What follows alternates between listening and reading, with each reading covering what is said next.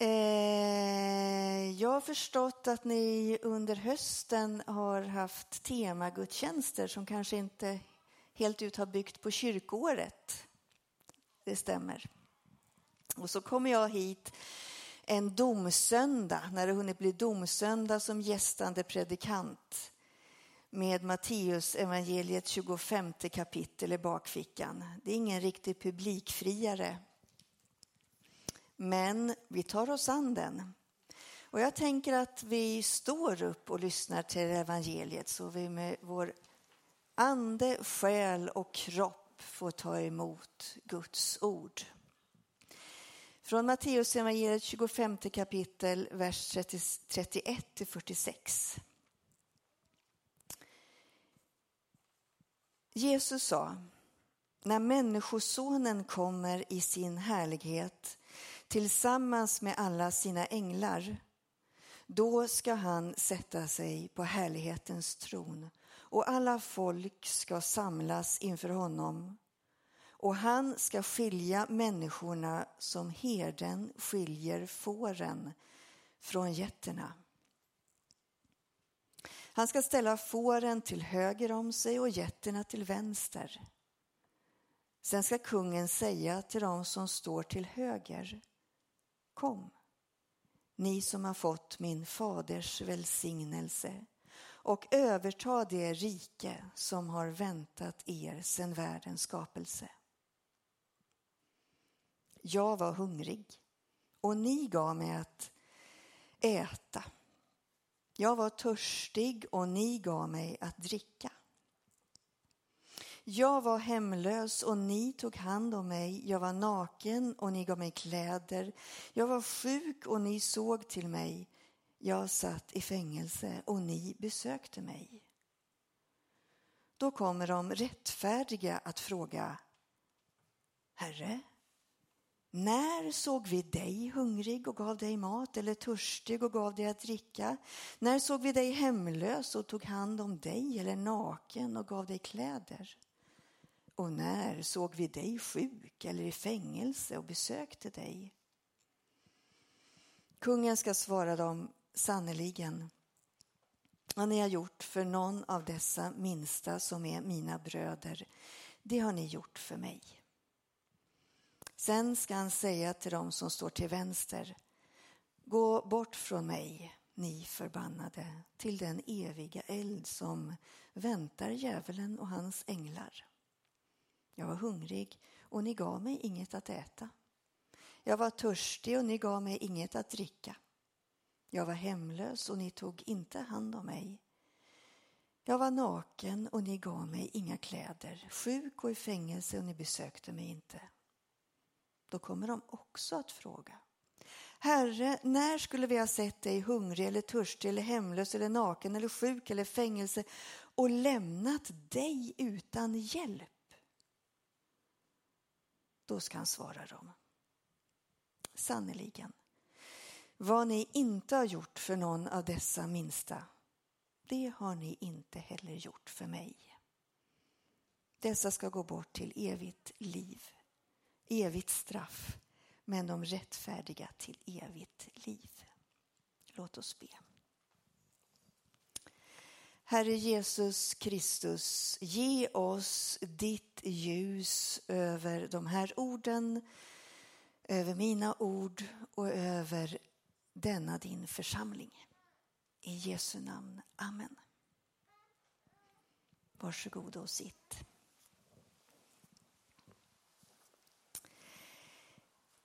Ibland behöver man gå till tandläkaren för att fixa till någonting så att det inte blir värre i munnen.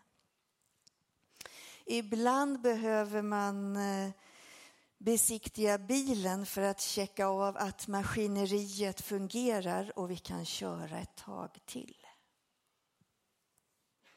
En gång om året så finns det en domsöndag där vi får kalibrera våra liv mot evangeliet och evigheten. Det är bra, men det är inte alltid lätt. Jag vill börja hos evangelisten Matteus som är vår ledsagare idag. Vem är han och vad har han med sig in med sitt liv när han ger oss den här berättelsen?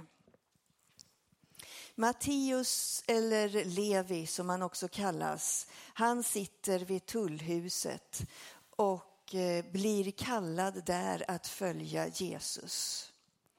Han är jude och han har ambitionen att förankra tron på Människosonen djupt i den judiska tron och förväntan på Messias. Han liksom band tråden till sina åhörares då tillbaka och djupt i de judiska skrifterna, i traditionerna och koderna.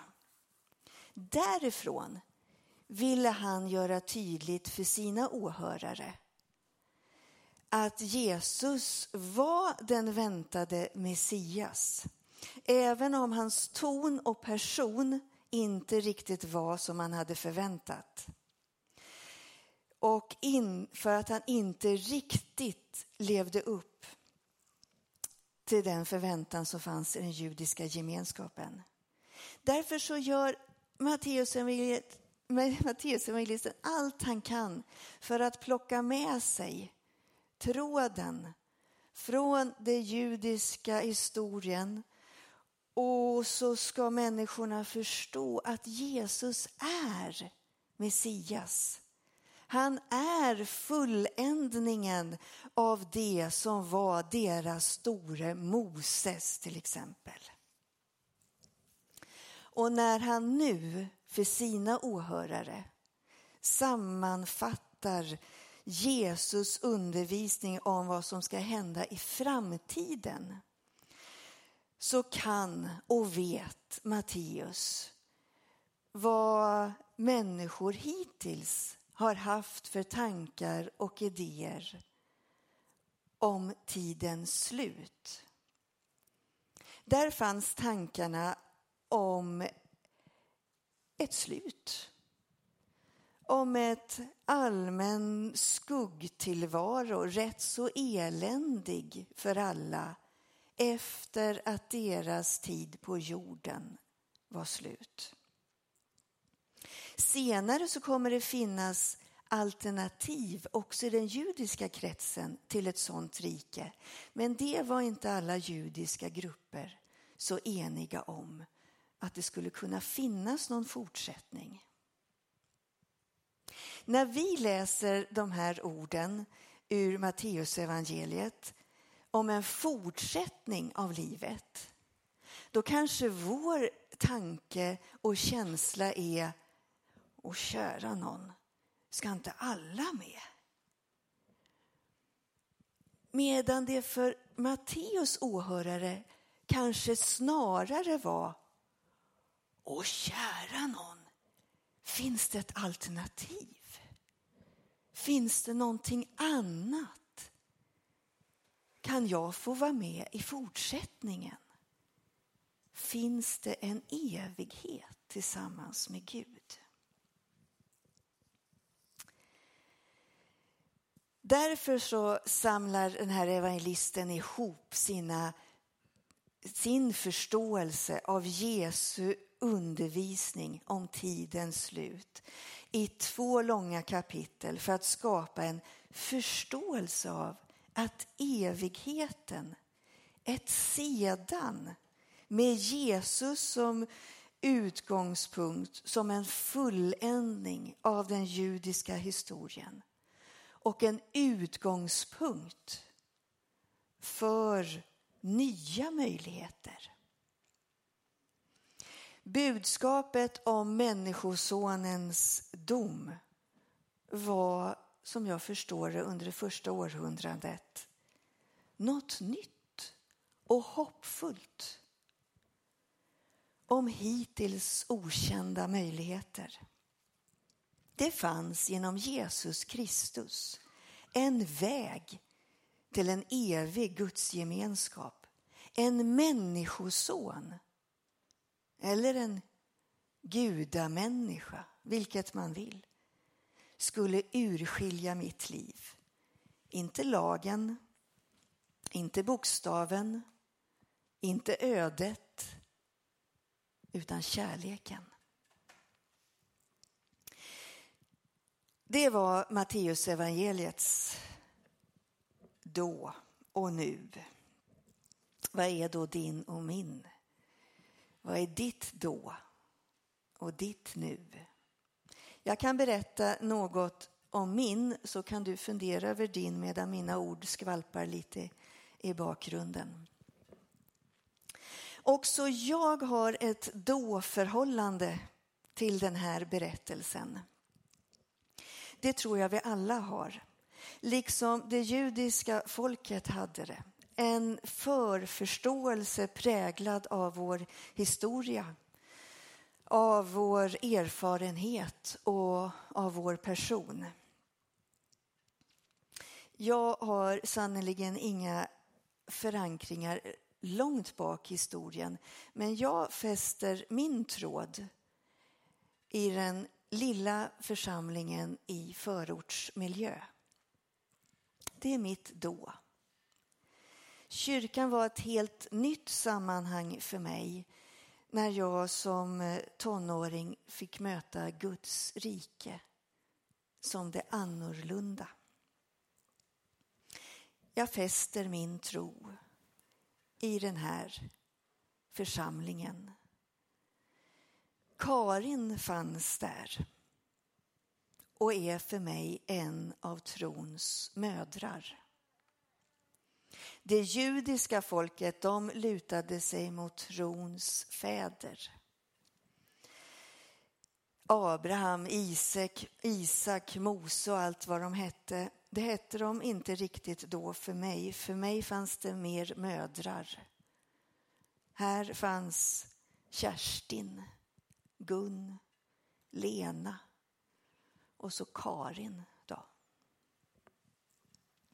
Hon var mamma till två vänner till mig. Men hon var också en slags mamma för många fler av oss.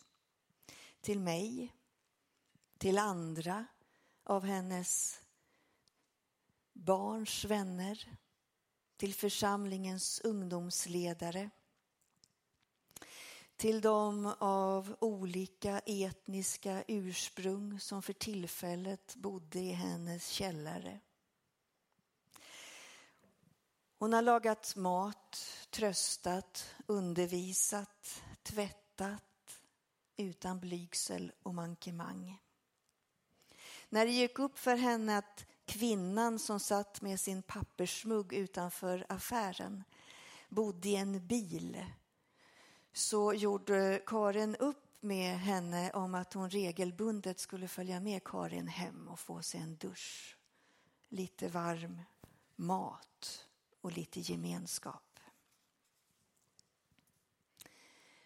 Hon gjorde en hel del för Guds minsta. Hon lät bilen stå och trocklade med kollektivtrafik återanvände det mesta. Hon var naturnära och klimatsmart långt innan orden fanns på människornas tunga. Hon skulle naturligtvis inte gilla att bli omtalad på det här viset. Så hon heter någonting annat egentligen. I mitt då så var tron praktisk varm och vardagsnära. Och den var väldigt mycket här och nu. Och det var tillräckligt. Ett sedan, det var liksom inte aktuellt för mig. Jesus var min vän. Men det skavde att jag hade lite svårt att presentera den här nya vännen för mina gamla vänner och för min familj. Att vittna bekänna.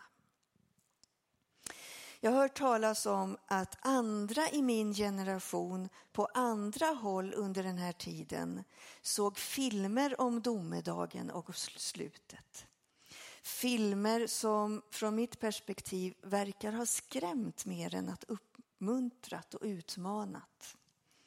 Och jag vet inte faktiskt om min tro vid den här tiden hade klarat av en sån film. Jag är glad att de undkom mig då. Det här, det ligger till grunden och är ett grundackord för mig när jag läser Bibelns berättelse. Och jag tror att vi var och en har något slags grundackord med oss in i Bibelns berättelser. När vi strävar i novemberdimma där energin är en dyrbar skatt så ska vi då här och nu kalibrera våra liv mot evangeliet och evigheten.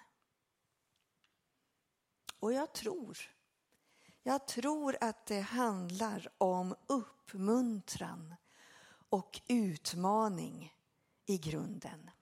Jag anar att det var så för Matteus läsekrets och jag tror att det är så för oss idag.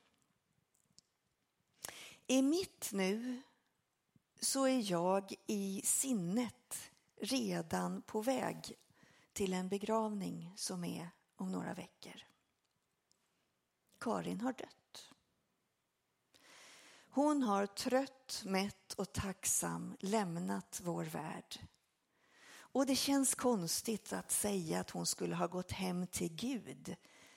För jag kan inte tänka mig att hon har varit någon annanstans här innan.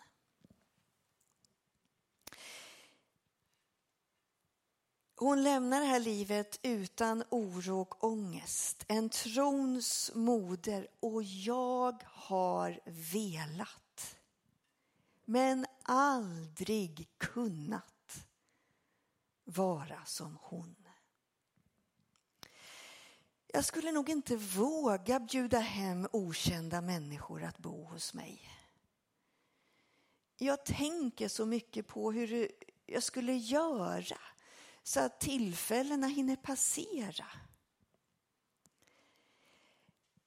I mitt nu så finns också några få inzoomade sammanhang som tar all min dyrbara energi. Och utanför dem så är behoven fortfarande oändliga. Människor som behöver praktisk, konkret hjälp. Som är hungriga, som är törstiga, som är hemlösa och nakna på riktigt. Det finns en jord som blödande skriker åt oss att vår bekvämlighet, vår konsumtion och våra höga krav på livs, levnadsstandard, den är förödande, dödande. Och jag förstår ju att är jag ett med Gud, som jag blev i förorten en gång, är jag fortfarande ett med Gud, då är jag också ett med den värld som Gud älskar. Ty så älskade Gud världen. Jag bär ansvar för den kunskap jag har och för de människor som jag har runt omkring mig. Och det här blir ju naturligtvis värsta krocken mot den anda som vi lever i idag. som är så djupt präglad av att jag först och främst ska se till att jag mår så bra själv. Att jag är så lycklig som jag bara kan bli. Att jag når min fulla potential och är framgångsrik. Hur ska han då förvalta sin energi och sin tvekan till handling?